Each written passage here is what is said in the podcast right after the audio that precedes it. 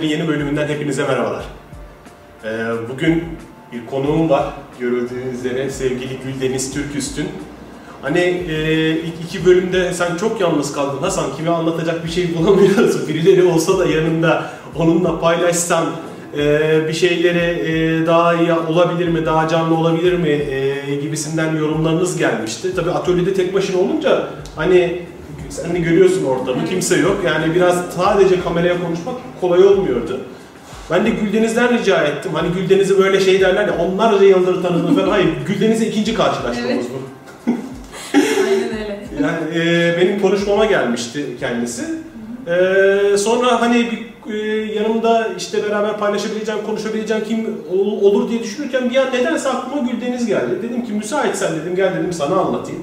Özellikle de hani ruhsal konularla ilgili ama hani yeni yeni o- Evet. olduğunu söyleyince daha da iyi oldu. Çünkü hani e, anlatacağım şeyler belki ilk defa duya- duyacağın şeyler, ilk defa e, konuşulacak şeyler, o anda gelebilecek soruların olabilir. E, o sorular o anda iz- e, izleyicilerin de aklından olabilecek sorular Evet. olabilir. O yüzden e, dedik hadi bir bakalım çıkalım kameranın karşısına. Ne olacak, edecek.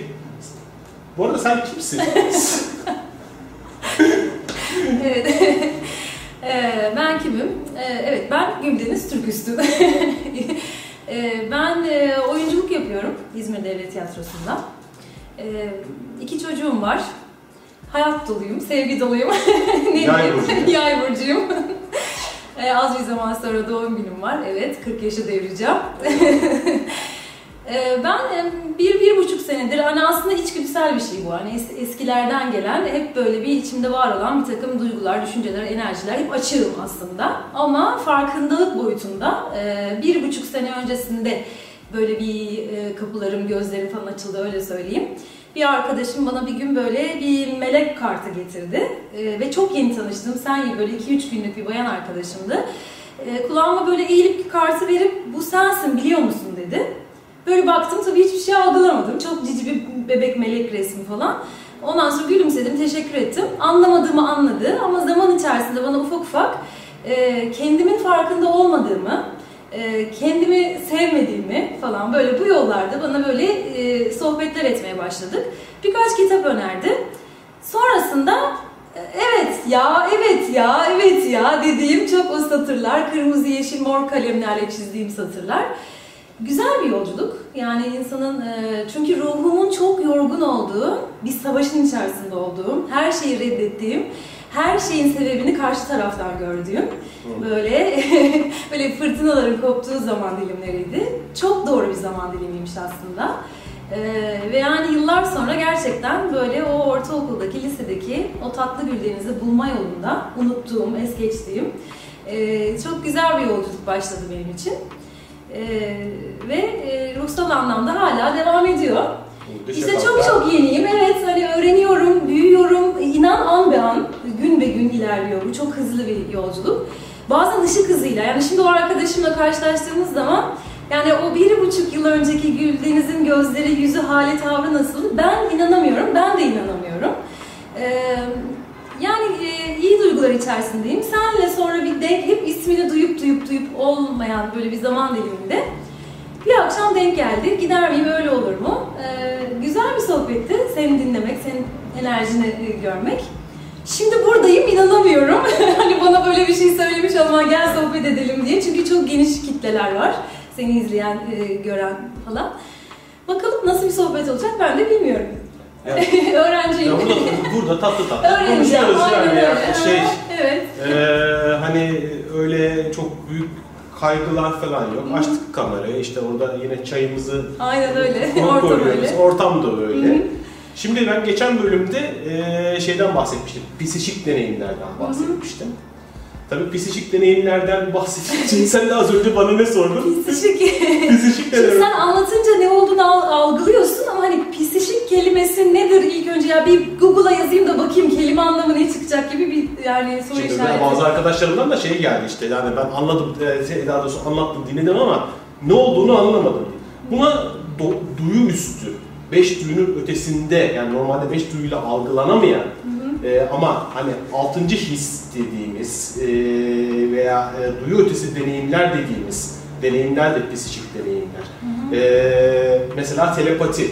Seninle bakarken işte birbirimizle yani en üst noktası e, hiç konuşmadan karşılıklı anlaşabilmemizdir. En basit noktası telefonun tam çalacağını hissedersen o iş öyle başlar bu arada. Evet. En temel noktası telefonun e, çalacağı noktasında işte kimin aradığını bilmendir. E, ben bununla ilgili Quantum Communication, Quantum İletişim diye bir belgeseldir. Bunun kuantum düzeyinde insanların arasında nasıl bir iletişim olduğunu ve insanların birbirlerini düşündükleri anda dünyanın öbür ucunda olsa bile anında e, onunla Frekans denen şey öyle mi oluyor? öyle oluyor. Yani e, hani iki ruh birbirini düşündüğü anda e, ikisi birbiri arasında bağlantı kurabiliyor. Hatta sen birisini çok fazla yoğun düşünürsen o kişi bunu hissedebilir. Evet. Hatta olumsuz düşünürsen rahatsızlık hissedebilir. Çok fazla şeyleri to- tekrarlarsan bu büyü bile olabilir. Bir arkadaşım vardı bana şey demişti. Bir insan çok düşünüyor üzerinde artık böyle çok üzerinde baskı oluyor falan dediğinde büyü öyle bir şeydir demişti. Yani illa oturup çeşitli şeyleri yapmana gerek yok. Majik değil yani. Bir şeyisini çok fazla düşünürsen de bu şekilde etkileyebilirsin. ve O insanda bundan etkilenir. Enerji gücü değil mi yani o işte frekansın yoğunlaşması, o düşünmek, söze dökmek. Şimdi şöyle bir şey var. Yani çok temel bir bilgi. Her şey bir. Gerçekten her şey bir. Hepimiz biriz. Tek bir varlığın parçasıyız. Yani şu anda senin saç hücren de, gerçi onlar ölü hücre ama olsun. Hani ne bileyim, e, kafandaki hücrelerle ayaktaki hücrelerin ne kadar birbirlerinden e, ayrı olsalar bile bunlar bağlantıdalar. Yani hepsi aynı bedenin parçası. Tabii. Biz insanlar hepimiz aynı bedenin parçalarıyız. Yani e, birlik dediğimiz kavram, yani şimdi e, bu e, şeylere ilk girdiğimde karşılaşacağım bir numaralı bilgilerden bir tanesi bizler Tanrıyızdır. Hı, evet. Biz Tanrıyız. Şimdi biz Tanrıyız kelimesi çok yanlış anlaşılır. Nasıl yanlış anlaşılır? Herkes şey der, kendini tamamen Tanrı zanneder. Hayır. Benim her bir hücrem Hasan'ın her türlü özelliğini bilir. Her türlü e, şey onun DNA'sında kayıtlıdır, hücremde kayıtlı. Fakat tek başına bir hücre Hasan değil. Tüm hücreler bir araya gelerek Hasan oluştu. Şimdi hepimiz birer e, hücre olarak tanrısallığı taşıyoruz üzerimizde. Evet.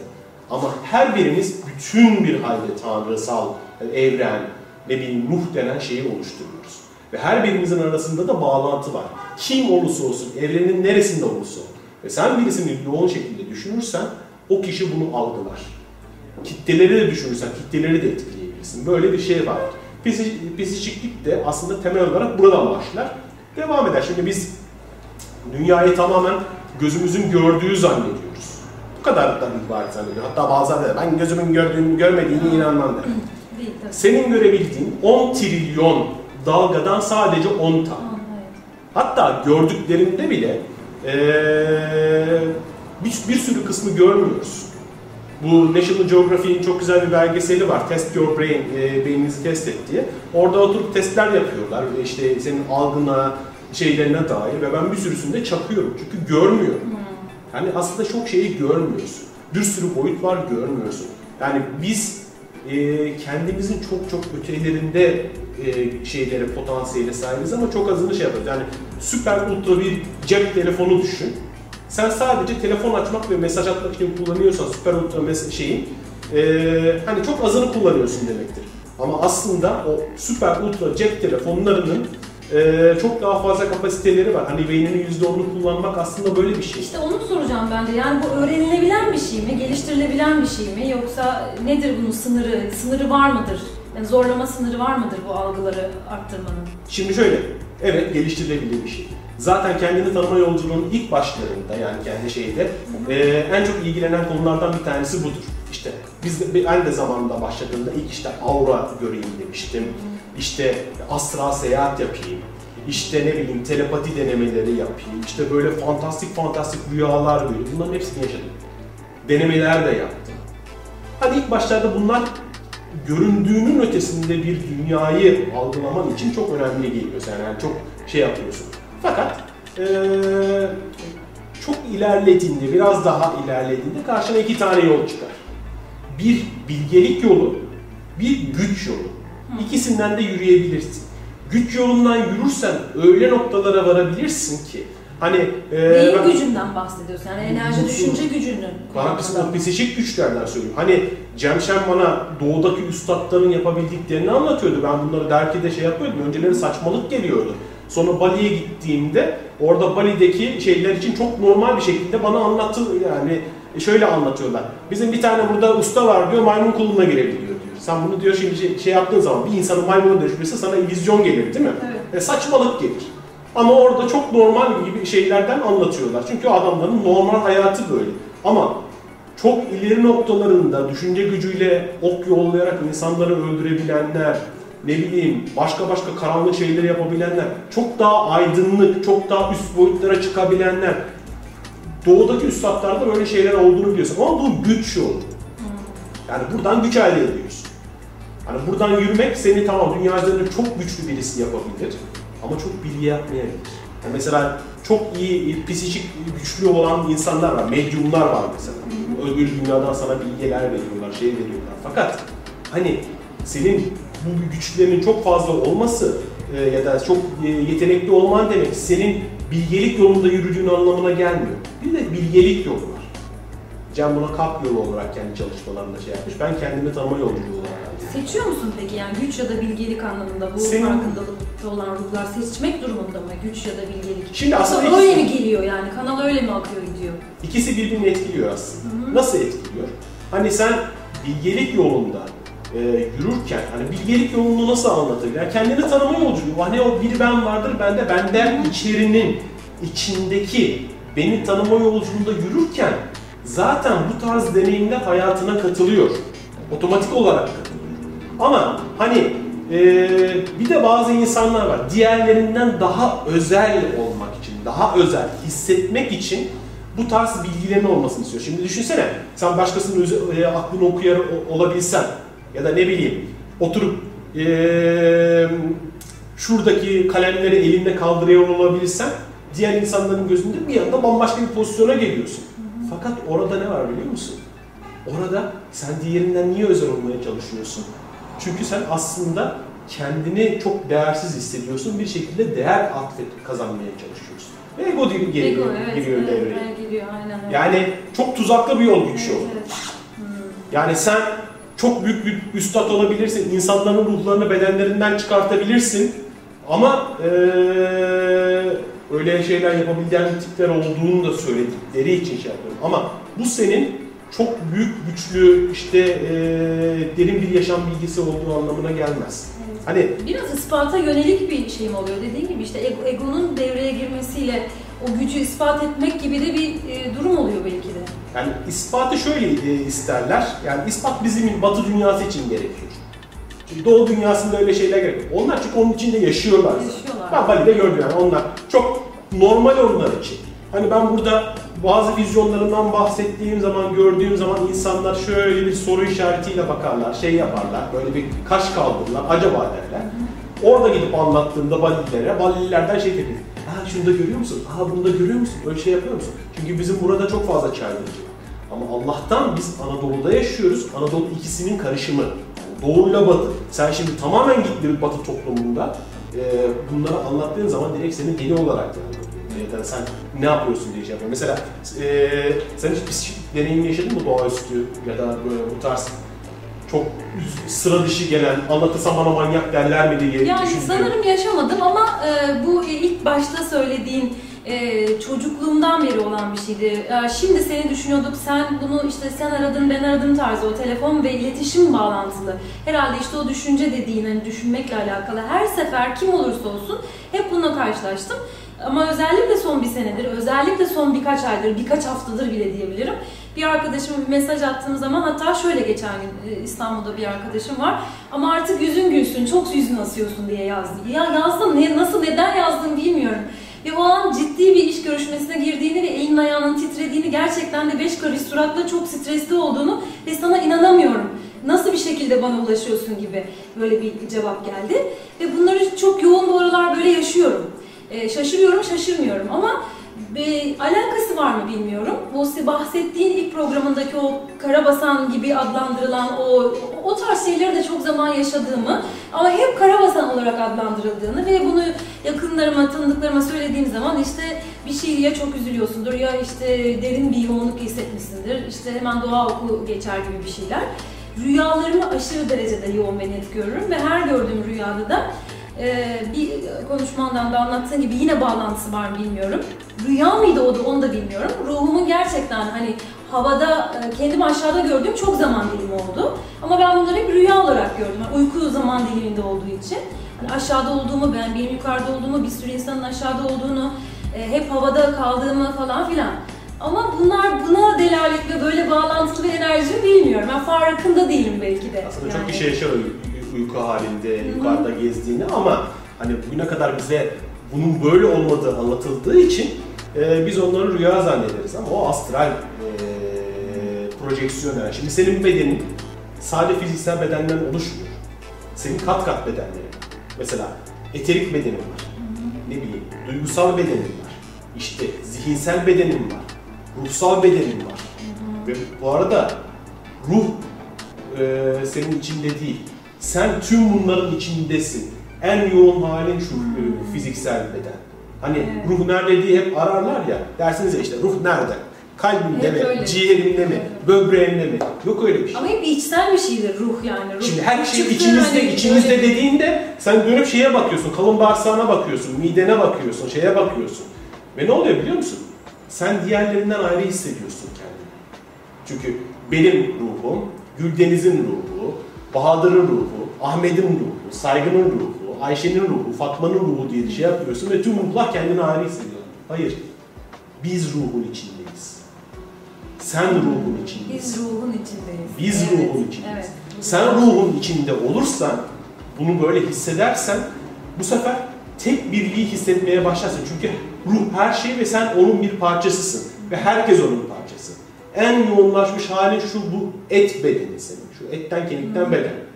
Biraz daha titreşimi yüksek olan bir şey. E, frekanstaki bedenin eterik bedeni. Onun biraz daha frekansının yüksek olduğu bedenin işte duygusal bedeni. Böyle böyle devam ediyor. Ve uyku halinde her rüyada değil ama. Her rüyada değil. Rüyalar da çok farklı. O bambaşka bir konu ama arada böyle projeksiyonlar, gezmeler, tozmalar ve başka diyarlara gitmeler olabiliyor. Bunu bilinçli olarak da yapabiliyorsun. Bilinçli olarak yapılabilir astral projeksiyon. Ee, hani dünya seyahatini bedavaya getirebilirsin. Ben şey diyorum.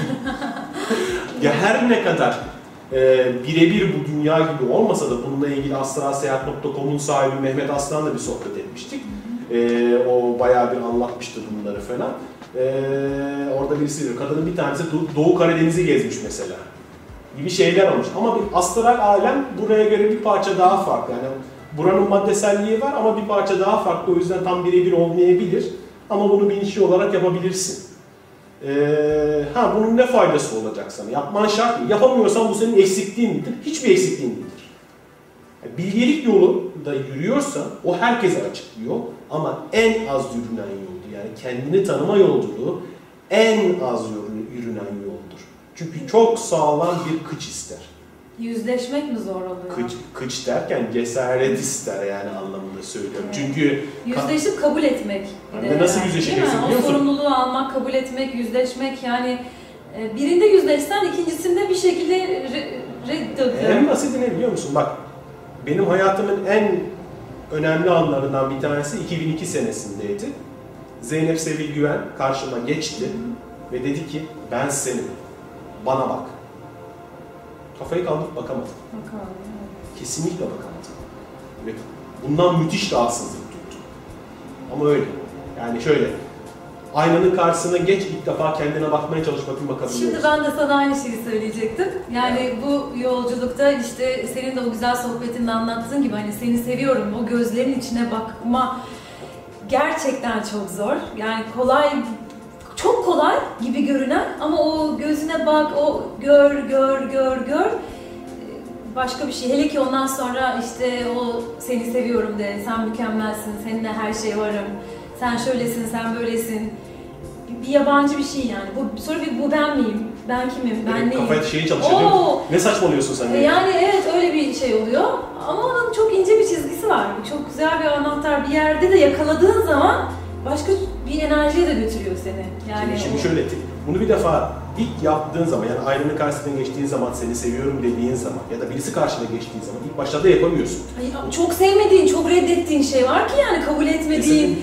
Sen şusun, sen busun diyorsun aslında. Ben, E, sen yani. bugüne kadar açıkçası Oo. ağzına etmişsin. Çok kendini. hayatın kendinin yani seninle beraber bütününün etkileşim oluyor çünkü ailen osu busu çocuğun etkileniyor bir şey oluyor falan hesaplaşamıyorsun. Çünkü küçük- Öfke çok devreye Küçükten giriyor. beri bizim kültürümüzde, mesela bizim toplumsal kültürümüzde bize kendini sevmeyi öğretmedi. Hmm. Çünkü bilmiyor ki.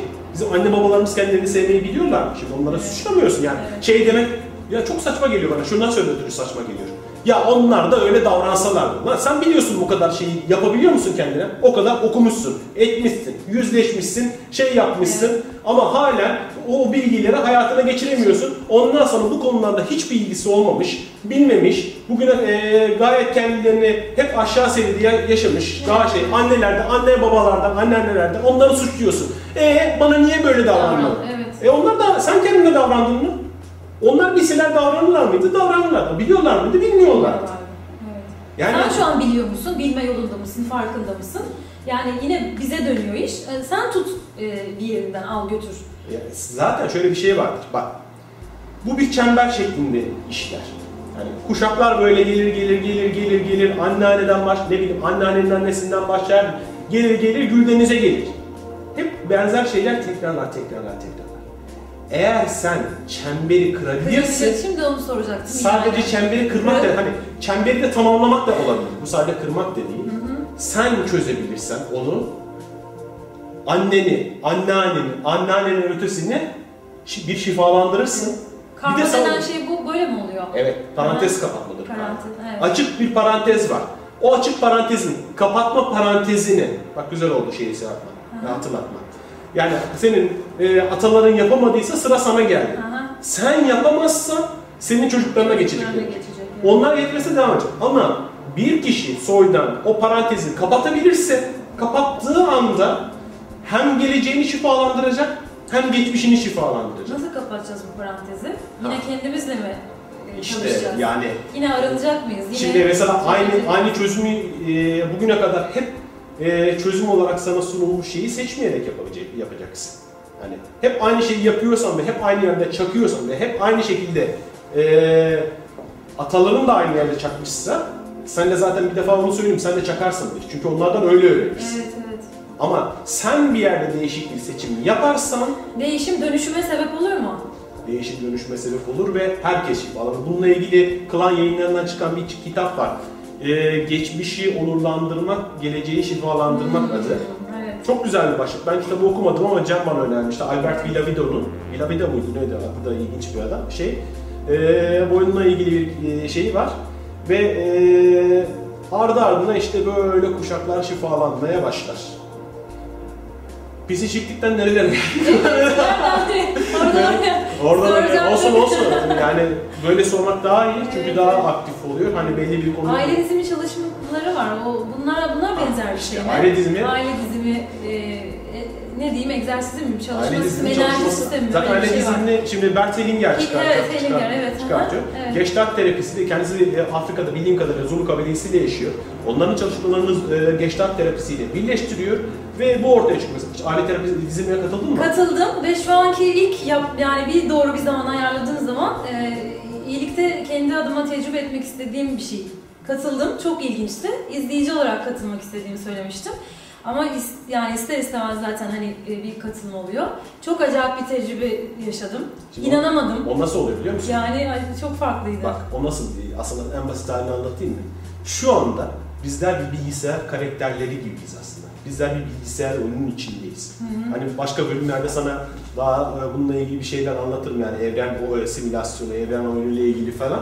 Ee, tabii senin aracılığın da aslında herkese. Evet, evet. Sen söylüyorsun Sen hep bana anlatıyorsun kamera arada. Gücenmesinler. ya Arada böyle daha daha hızlı oluyor çünkü şey hani e, şimdi kameraya bakarken böyle e, daha önce de tamam şey oluyor ama Hani Şu an orada hızımız çok hızlı. Yani hem anlatım hızımız hem de fikirden konudan konuya geçme ritmimiz çok tamam güzel gidiyor. bir akreple bir yay. Benim yükselenim yay. Senin yükselen burcu biliyor musun? Balık. Balık. Eyvallah. Oradan biraz daha sakin şey ama ee, şey ee, hepimiz birer karakteriz ve evrende var. Şimdi ee, aile diziminde birisi geçip işte senin baban olduğunda bilgisayarda internet sitesini ça- çağırmak gibi bu. İnternet sitesinde hani ee, yazarsın ya işte www.derki.com yazıyorsun, derki karşı Karşı. Ha. şeyin babasını çağırıyorsun internetten ve o karakter vup deyip senin üzerine download oluyor. Ve çok ilginç bir Kapalı şekilde sistem biz yaptık biz yani. Kapalı açık açık söylenmiyor. açık açık olmasa bile Evet. gelir O ilginçti zaten. Gelir. Yani, evet. ve bir süre sonra şeyi görmeye başlarsın. O kişi senin babanın mimiklerini ve jestlerini yapmaya başlar. Evet evet. Ve orada işte yüzleşmeler yapılır, şeyler yapılır, karşılaşmalar Onun cümleleri falan e, çıktı. Yani Aynen. tatlı bir genç bir hanım vardı. Hani e, izliyor tabii e, olanları. İnanılmaz bir süre sonra ciddi bir ağlama krizine tutuldu. Ve kalktı e, sana inanmıyorum, senden nefret ediyor. Gerçi iki, iki kişi de bunu diyor zaten. Seni sevmiyorum, seni sevmiyorum diyor. E, kendi dayanamadı. Bir boşalım yaşadı ki öyle böyle değil. Yani bana bunu yaptın, bana bunu yaptın, bana bunu yaptın.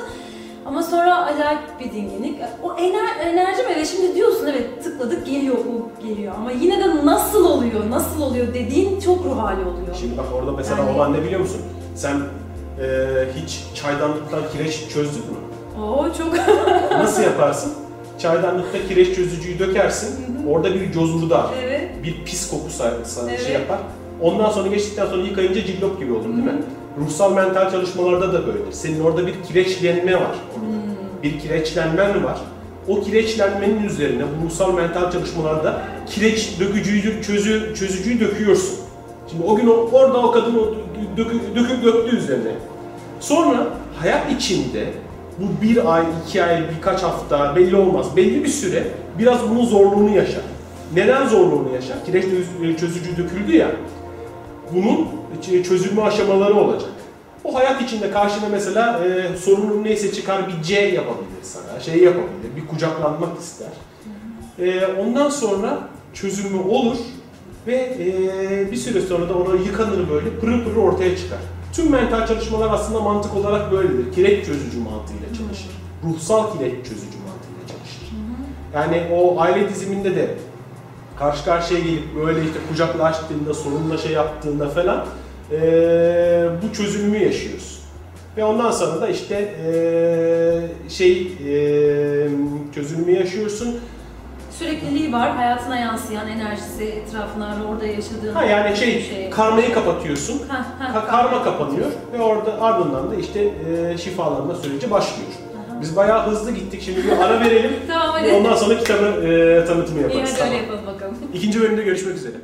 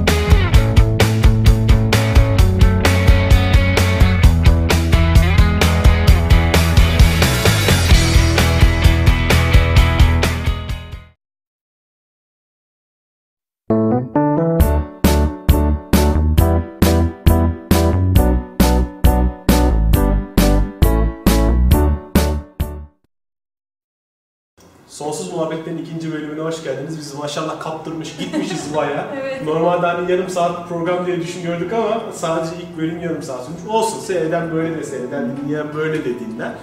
Şimdi biraz kitaplardan e, bahsedelim. Yani e, neler var, neler yok e, elimizde. Sen hiç Dingin Savaşçı'yı okumuş muydun? Yok yok ben de yeni gördüm buradaki bir sürü kitabı. Ve tabii şimdi sabırsızlık ve heyecan duyuyorum nedir Şimdi bak, e, Dingin Savaşçı, bu elimdeki Dingin Savaşçı'nın bilinmeyen kitabı. Nasıl bilinmeyen kitabı? O yüzden e, göstermek istedim. Şimdi Dingin Savaşçı e, herkes biliyor. Herkes derken bu yolda bir sürü insan okumuştur. Hatta filmi vardır Peaceful Warrior'ın. Dan Millman'ın e, romanıdır. Ve özellikle bu yolculuğa yeni başlayanlara mutlaka okuması gereken bir kitaptır. Fakat bu 2-3 kitap hatta 4 kitap yanılmıyorsam bir seri. Bu kitabın birinci kitabını herkes okudu ama ikinci kitabını, üçüncü kitabını bilmiyorlar. İkinci kitabı Türkçe'ye çevrildi. Dingin Savaşçı'nın Ruhsal Yolculuğu. Bu yıllar önce çıktı aslında. Çok da kötü bir kapakla çıktı. Ne yalan söyleyeyim. Bunu hatta e, yayın evinin sahibine de söylemiştim. Fakat bu Dingin Savaşçı'nın Ruhsal Yolculuğu hani şu anda kitapçılarda var mıdır, sahaflara mı düşmüştür bilmiyorum. Ama e, bu 3-4 sene oldu çıkalı. Hani Dingin Savaşçı'yı çok sevmiştik. Bu kitap da çok güzel. Ben başladım, okudum bayağı. E, Dingin Savaşçı'yı okumayanlar mutlaka okusun, sen de mutlaka oku. Evet, çok evet, seveceksin. evet. Ve devamını da mutlaka isteyeceksiniz. Bu arada Dan Millman çok sıcak, çok tatlı bir adamdır. Hatta ben zamanında e, hani dergiyi kurduğum zamanlarda mesaj atmıştım ona. Böyle böyle bir dergim var işte sizden bir yazı olur mu, şey olabilir. Adam daha ilk mailimden sonra bana yeni yazı yollamıştı. Çok içten, çok sıcak, çok mütevazi gelmişti bana. Sonra röportajlar yapmıştık. Kendisi 1960 e, olimpiyat şampiyonu, e, jimnastik şampiyonu. E, çok renkli bir hayat hikayesi var ve kitap da çok muhteşem. Mutlaka Dingin Savaşçı okuyun. Dingin Savaşçı'nın devamında bu görmüş olduğunuz kitabımız. Dingin Savaşçı'nın Ruhsal Yolculuğu. Şimdi ikinci kitabımız, bunu da çok çok az kişi bilir. Muhtemelen ilk defa göreceksin. Evet. Atlı Karınca'da bir tur daha. Spiritüel e, edebiyatın şeylerin belki de en iyi 5 romanı arasında bir tanesini say dersen budur. Fakat Türkiye'de çok az kişi biliyor bunu. Neden? Görmüş olduğu gibi şu kapakla çıktı. Yine evet yine kapak. Kapak problemli. Neden? Yani şimdi bu babası tarafından cinsel tacize uğramış bir kızın hikayesi de olabilir. Yani. evet. Bambaşka bir şey de olur. Yani spiritüel bir roman olduğuna dair hiçbir şey yok. Merkez kitaplarından çıkmış. Tabii merkez kitap bu 2006'da mı ne yayınlanmıştı? 2005'te mi 2006'da mı ne yayınlanmıştı bu kitap? Ve e, hani bana da tesadüfen elime geçmişti. Ama muhteşem bir spiritüel romandır. E, yurt dışındakiler çok iyi bilirler. Yani özellikle İtalya'da e, hiçbir reklamı yapılmadan bestseller olmuştur. Tiziano Terzani e, çok meşhur bir İta- e, İtalyan gazeteci. Kanser oluyor E, ve kanserine çözüm bulmak için e, tüm dünyayı dolaşıyor. Tüm dünyayı dolaşırken e, işte her türlü işte e, sistemin. E, burada arkasında şey var diyor. E, bir şeyini okuyayım, arka yazısını okuyayım. Hindistan Himalayalarında binlerce metre yükseklikte bir dağ kulübesinde kalabalığa uzak, insana yakın durarak kaleme alınmış bir kitap elinizdeki. Dünyayı haber peşinde defalarca turlamış ünlü İtalyan gazeteci Tiziano Terzani bana öyle geldi ki sanki bütün hayatımı bir atlı karınca üzerinde geçirmiştim diyor. İlk başlangıç anından beri beyaz at bana düşmüştü ve onun üzerinde keyfimce alçala yüksele dönerken e, kimse bana biletim olup olmadığını sormamıştı. Tamam, Şimdi zamanı gelmişti. Kontrolör başındaydı. Kontrolü de kanser. O beyaz attan iner, in- e, o beyaz attan inmez terzane. Bu kez haber değil deva peşinde turlar dünyayı. Aynı merakla üstelik elini uzatıp bizde terkisini alarak dünyanın bütün renkleri serilir gözlerimizin önüne. New York, Hindistan, Tayland, Filipinler, Hong Kong tur üzerine tur atarken kah New York'ta ultramodern bir hastanede elektronik aletlerin vızıltısıyla olan kulaklarımızda kah Hindistan'da altın tozu kaçar geldiğimizde. Tütsü dumanları, okyanus kokuları çarpar burnumuza. Ayurveda, homeopati, zihin, piramitlerin şifa gücü, doktorlar, şifacılar, ermişler, ermemişler, umut tacileri, bilgeler. Geleneksel tıbbın nabzında ve klasik tıbbın büyütecinde insanı görüyoruz. Bu kitabı eee, uzun süredir görmüyordum piyasada. Daha dün çevirmeni Eren Yücesan Cem harika bir iş yapmış. E, kendi sayfasında paylaşmış bir yayın evi yeniden basacak diye çıkar çıkmaz mutlaka alıp okuyun. Mutlaka alıp okuyun. Attı Karınca'da bir tur daha. Hiç pişman olmayacaksınız. Eğer sahaflardan bulabiliyorsanız sahaflardan alın muhteşem bir romandır. Özellikle de spiritüel e, şey ruhsal şifacılıkla ilgilenenlerin hepsinin mutlaka okuması gereken bir hikayedir. Sen de okuyorsun. Bana da evet e, ben de okuyacağım ve e, Hatta çıkışta vereyim sana. bunu. aa süper. Atlı karıncayı hayat mı? Hayatı atlı karınca gibi görüp bir tur daha yani öyle bir yansıma gibi aldım ama orada da ona benzer bir cümle Evet. yazıyor. Ya arkasında. Adama şey diyorlar zaten sen 2-3 ay yaşarsın falan diyorlar. Yaşıyor herhalde değil mi? 7-8 sene yaşıyor sonra ayrılıyor. Ama görevini tamamlamış artık. Tamamlamış evet evet. Hikayeyi bitirmiş. Evet, evet, sene varmış. Şimdi yine çok bilinmeyen eee roman. Bunları hiç gördün mü? Gölge Kardeşliği, Pesinus Gecesi hiç duymadın değil mi? Yok değil daha evet. Şimdi Sabit Sümer eğer Türkiye'de değil de Amerika'da doğmuş olsaydı şu anda Dan Millman kadar hani belki Dan Millman çok daha şey bir şey ama şu anda ülkemizde bilinen bir gizem yazarı olurdu.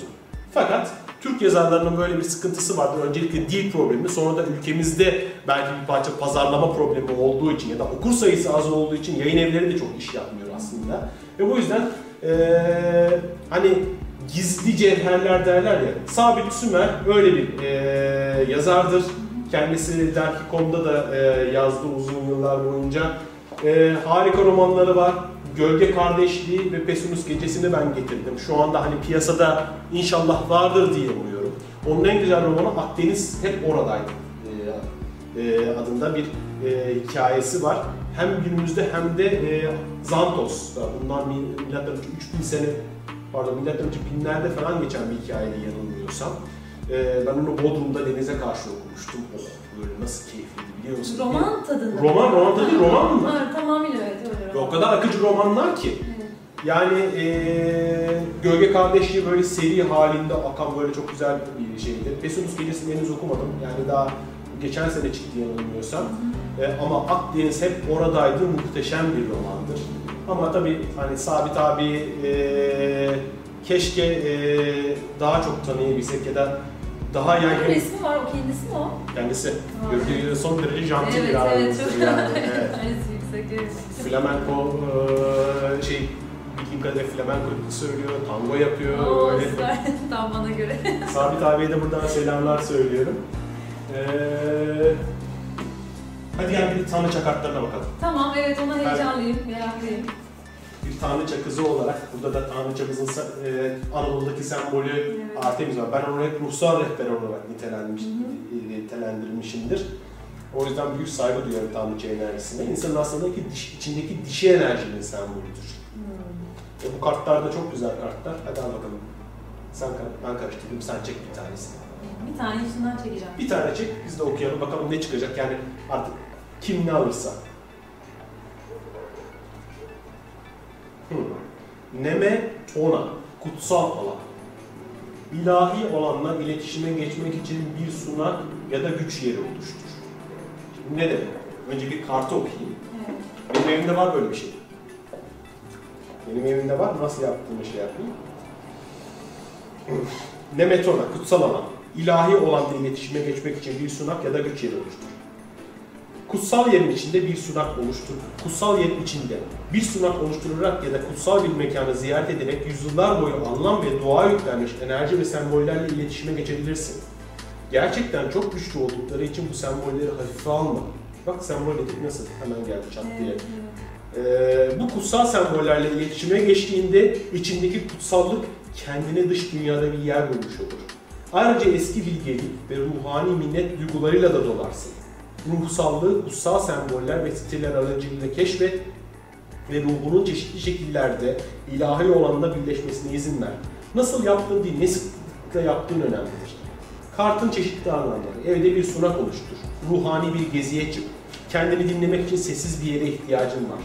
Bir labirent yarat, bu labirentte yürü, evindeki enerjiyi, ada çağı, dua, tonik, baş melek Mikail'den yardım istemek gibi metotlarla temizle. Evet, evet, Şimdi ben bunu biraz açıklayayım. evet. Hı hı. Ee, mesela şu anda biz İzmir'deyiz ve çevremiz aslında hep antik sitelerle dolu. Ee, antik şehirlerle dolu. Sen Efes'e gittin, Evet, tabii. değil mi? Artemis Tapınağı'na gittin mi oradaki? Artemis Tapınağı'nın enerji şeyiyle. Yani gittim ama tabii hiç farkında değilim Hasan yani. Şu aralar en çok arzu ettiğim şeylerden biri e, o mesela. Yani taşına dokunmadığım, hani bak baktık yani. Ortaokul, lisede gittik, iki sene önce de gittim. Bir tanıdığımızı öyle çok görmek istedi falan. Ama şu aralar farklı bir enerji ve farklı bir şeyle göreceğim zannediyorum. Yani ben ilk de- ilk şey defa-. Ee, o enerjiyi Mısır'da gittiğimde hissetmiştim. Hani ben sonuçta tarihi eser gezmeye, tarih siteleri gezmeye bayılırım tarihi şehirleri gezmeye. Fakat ilk defa Mısır'a gittiğimde oradaki büyük piramidin içine girişimle başladı. Oradaki enerjiyi hissetmekle başladım. Ve ondan sonra diğer tapınaklar, oradaki tapınaklara gezerken çok farklı bir enerji olduğunu hissettim onu. Zaten kadim uygarlıklar, eski uygarlıklar şehirlerini ve tapınaklarını özel noktalara koyuyorlarmış. Dünyanın üzerinde özel enerji çıkış noktaları vardır. Bunlara ley hatları derler. O noktalara koyarlarmış. Ley hatlarından bir gün daha uzun bahsederim. Ve mesela e, bizim şu anda bulunduğumuz fotoğraf atölyesiyle hep e, gezilere gideriz. Ve ben oralara gittiğimde hep eski şehirlere gidip tapınakları oturur böyle meditasyon yaparım kendi çapımda. Hissederim. Gerçekten halen o yüksek enerji, dünyanın yük- yüksek enerjisini hani amplifiye etmek gibi yani mikrofonla yükseltilmiş gibi orada bir enerji var. Oraya o tapınağı kurduklarında o enerji daha güçlü çıkıyor. Ee, ve oralarda hissedebilirsin. Kendi evimde de mesela e, ben hep her gün dua etmek gibi tütsü yakarım. Benim evde bir Mısır'dan getirdiğim heykellerim var. Semboldür bunlar. Yani heykellere bir şey yapmıyorum tabii ki. Oralar kutsal olarak belirliyorum kendimce. Kendimi kutsal adı. Her gün tütsü yakarım. Bir de kendi içsel devam ederim. Yaratıcı kaynağımız bizden sana teşekkürler olsun diye. Mısırlılardan öğrendim yine bunu. Onlar da her gün böyle tütsü yakarlarmış, ederlermiş. Ama gerçekten hani bir şeye tapınmak için yapmıyorsun. Teşekkür etme bağımında. Seviyorsun, hoşuna gidiyor böyle bir şeyi aktive ediyorsun. Hani biz bilgileri biliriz ama e, uygulamayız. Hani evinin bir yerine, mesela Çinliler, Japonlar anne babalarının ya da atalarının resimlerini koyabilirler. Başka bir şey olabilir, başka yani kutsal bulduğum bir şey her neyse koy. Onunla dua edebilirsin, ne bileyim tütsü yakabilirsin, önüne güzel çiçekler koyabilirsin. Oranın sana iyi hissettireceğini bilirsin. Böyle bir şey yapabilirsin. Bununla ilgili bir mesaj verebilirim, bir şey yapın. Evet, evet. Yani eee güzel de hissettiriyor. Ben gerçekten hani ne güzel de tütsü yakıyorsun. Mis gibi de kokuyor. yani. Yok, evet, ben de o mesela ada çayını yakıyorum. Ha, ada çayıyla mesela, Çok yakıyorum ada çayıyla ben evi arada toparlarım böyle, Evet, temizlerim. evet, çok, da, çok da faydalı bir şeydir çayı, Evet. Köşeleri özellikle e, tutarsanız, bunu Zeynep Sevil söylemişti bana, en çok enerji köşelerde birikiyor negatifler diye, oradan öyle götürür. Şeyde ada çayını yapın. Eee, yani bu eee, özellikle de tarihi eser, tarihi şehirlere gittiğinizde ve bu tarihi şehirlerin sadece birer taş parçası olmadığını, oralarda çok daha derinden eee, şeyler hissedebileceğinizi, çünkü her şey bir titreşim, yani enerjiden oluşuyor. Ve o insanların yaşadığı her şey o taşlara eee, yansımış vaziyette. Hani istersen taşa elini koy, hissedersin, hissetmezsin bilmiyorum ama özellikle oradaki kutsal mekanlara gittiğinde çok yoğun bir şekilde hissedebileceğini, e, hissedebileceğinizi düşünüyorum. E, biz İzmir'de çok şanslıyız. Çevremiz antik şehir dolu. Ama yani Türk Anadolu'nun her tarafında bunlar var. Hani gittiğinizde biraz daha dikkatli e, açarak gidin kendinize bakalım neler olacak. Ben teşekkür ediyorum. Valla Güzel bir ben muhabbet teşekkür oldu. ederim. Böyle hiç gözümü ayırmadan bakıyorum. Güzel bir sohbetti. Ama çok şey yarım kaldı gibi oldu. Devam edeceğiz. Evet. Devam edeceğiz.